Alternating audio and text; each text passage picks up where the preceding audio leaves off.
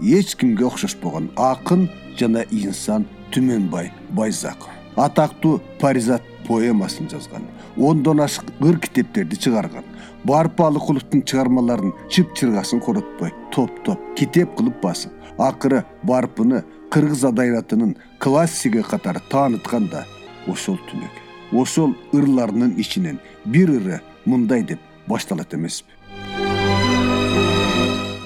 ала тоо ак калпагын кийген кезде аскасы көк асманга тийген кезде мен дагы жолго чыгам таңды тосо кучактайм ой кырларын нурга кошо. Улуусуң кыргыз жери нурдан бүткөн сулуусуң кыргыз жери ырдан бүткөн.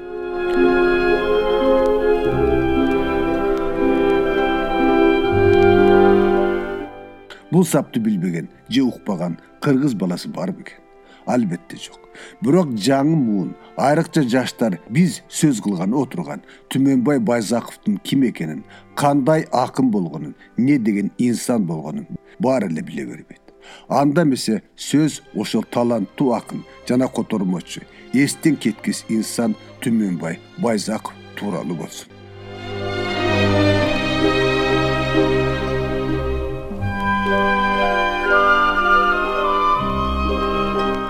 түмөнбай байзаковдун жаш курагы согуш маалына туш келип өлүм эмне экенин кыргын эмне экенин эрте түшүнгөн жана эрте билген муундун өкүлү эле бир миң тогуз жүз жыйырма үчүнчү жылы сузакта азыркы барпы айылында туулган байзаков согуш башталгандын биринчи эле жылы фронтко кетип ленинград багытындагы кандуу салгылашууларга катышып бирок бактысы бар экен андан аман эсен кайткан ыр жазганды согуш жылдарында баштаган.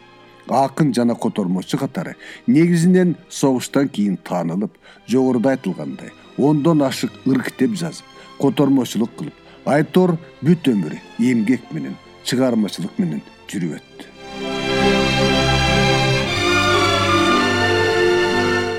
Түмөнбай байзаковдун акындык чыгармачылык тагдыры эч кимге окшошпогон тагдыр болду десек туура болот биринчиден түмөкө ар жыл сайын бирден китеп чыгарганга умтулбаган ток бел киши эле ошол эле түмөкөнүн катарлаштары фронттош курбалдаштары сүйүнбай эралиев менен сооронбай жусуев жыл сайын болбосо да эки жылда бирден ыр китебин чыгарышса түмөкө көп жылын барпы алыкуловдун адабий мурасын топтогонго кетирди.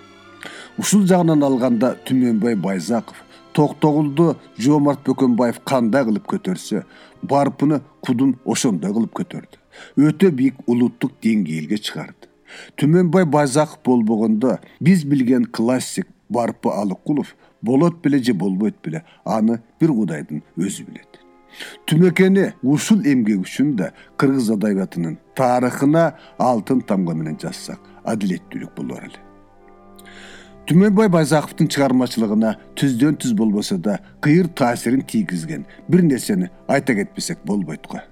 Байзаков кадимки исхак разаковдун жакын бажасы болгон.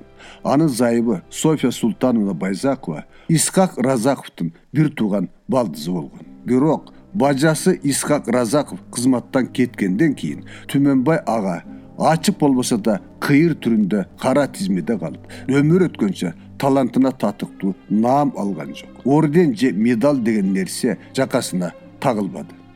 Балким ошол себептен түмөнбай байзаков да чыгармаларында өкмөт менен партияны анча деле асман айга жеткире мактап наам алганга сыйлык алганга умтулган жок. Ошондуктан ордендүү медалдуу наамдуу курбалдаштарынан бир аз болсо да төмөнүрөөк сезилгеси түздү бирок көзөтөргө бир жыл калганда атап айтканда бир миң тогуз жүз токсон экинчи жылы байзаковдун жылдызы биринчи жолу жаркырап жангандай болду. Анын себеби кыргызстандын шаарлары менен айылдарын тоолору менен талааларын түп көтөрө жаңырткан кыргыз жери деген ыр болду. Ала тоо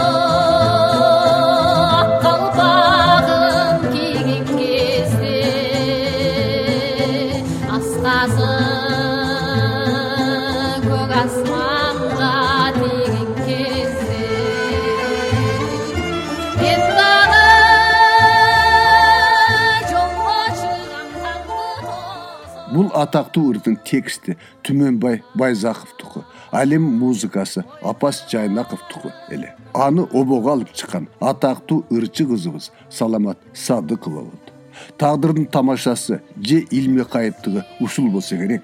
Түмөкө так өмүрүнүн соңку жылында ийгилик массанын оозуна алынган ыр хит деген эмне болорун биринчи жолу билди биринчи жолу чыңгыз айтматовдун гүл сарысындай даңканын сапыра алдыны көздөй чурады. Ага өөдөсүнүп караган ордендүү наамдуу коллегаларынын алдыга озду. Анын ыры кыргыз элинин маанайын көтөрүп керектүү кезде демине дем кошкон ыр болду. Кыргыз жери нечен жылдан бери жаңы мамлекет түптөп анын азабы менен тозогун тарткан кыргыз эли үчүн өзүнчө эле бир гимн сыяктуу болду. Кудайдын буйругу менен ошол ырдын биринчи бет ачарында дал түмөнбай байзаков өзү да катышып калганы тууралуу ырчы кызыбыз саламат садыкова мындайча эскерет. Залда ырдап атсам эле кызыгы э, интеллигенция толуп отурган эле ошондо бир чоң жыйын болсо керек эле. Э, чоң чоң эле көрүнүктүү жазуучулар э, көз көрүнөбү эле мен ырдап атсам баштары кыймылдап кирди. Бири бири менен баштары тийишип да калат ушундай бир кызык жагдай болуп аткандан мен ырдап атып ыңгайсызданып аттым. Менин бир этек башым бир туура эмес болуп калды бекен эмнеге бул чоң эле көрүнүктүү жазуучулар баштары кыймылдап атат деп. Кыскасы баягы мен ырдап бүткөндөн кийин көрсө жайнаков да үч тал гвоздикасы менен чыгып келип мага гүлүн сунду. Анан ошол залда түмөнбай байзаков агай өзү отурган экен кызыгы. Ушул бир токсон биринчи токсонунчу жылдар болчу да. Анан ошо жазуучулардын баардыгы баягы кулактандырганда сөзү түмөнбай байзаковдуку деп айтылат да. Анан ошондо таң калган экен. Ой түмөнбай сенин ушундай чыгармаң бар турбайбы деп бири бирин куттукташып э, өзүнөн өзү ошондой э, кыргыз жери деген чыгарманын бир өзүнүн бир сыйкырдуу бир керемети бар. Зал толгон ошондой биздин адабиятчылар жазуучулардын бет алдында мен авторлордун маңдайында бет ачарын ырдаганыма. Азыркы күнгө чейин өзүм таң калам да ушундай бир кубулушка э, түмөнбай агабыздын жаткан жери жайлуу болсун топурагы торко болсун түмөнбай байзаков агабыз көзү тирүү болсо быйыл туура токсон беш жашка чыкмак экен. Бирок арабыздан кеткенине быйыл туура чейрек кылым убакыт болду.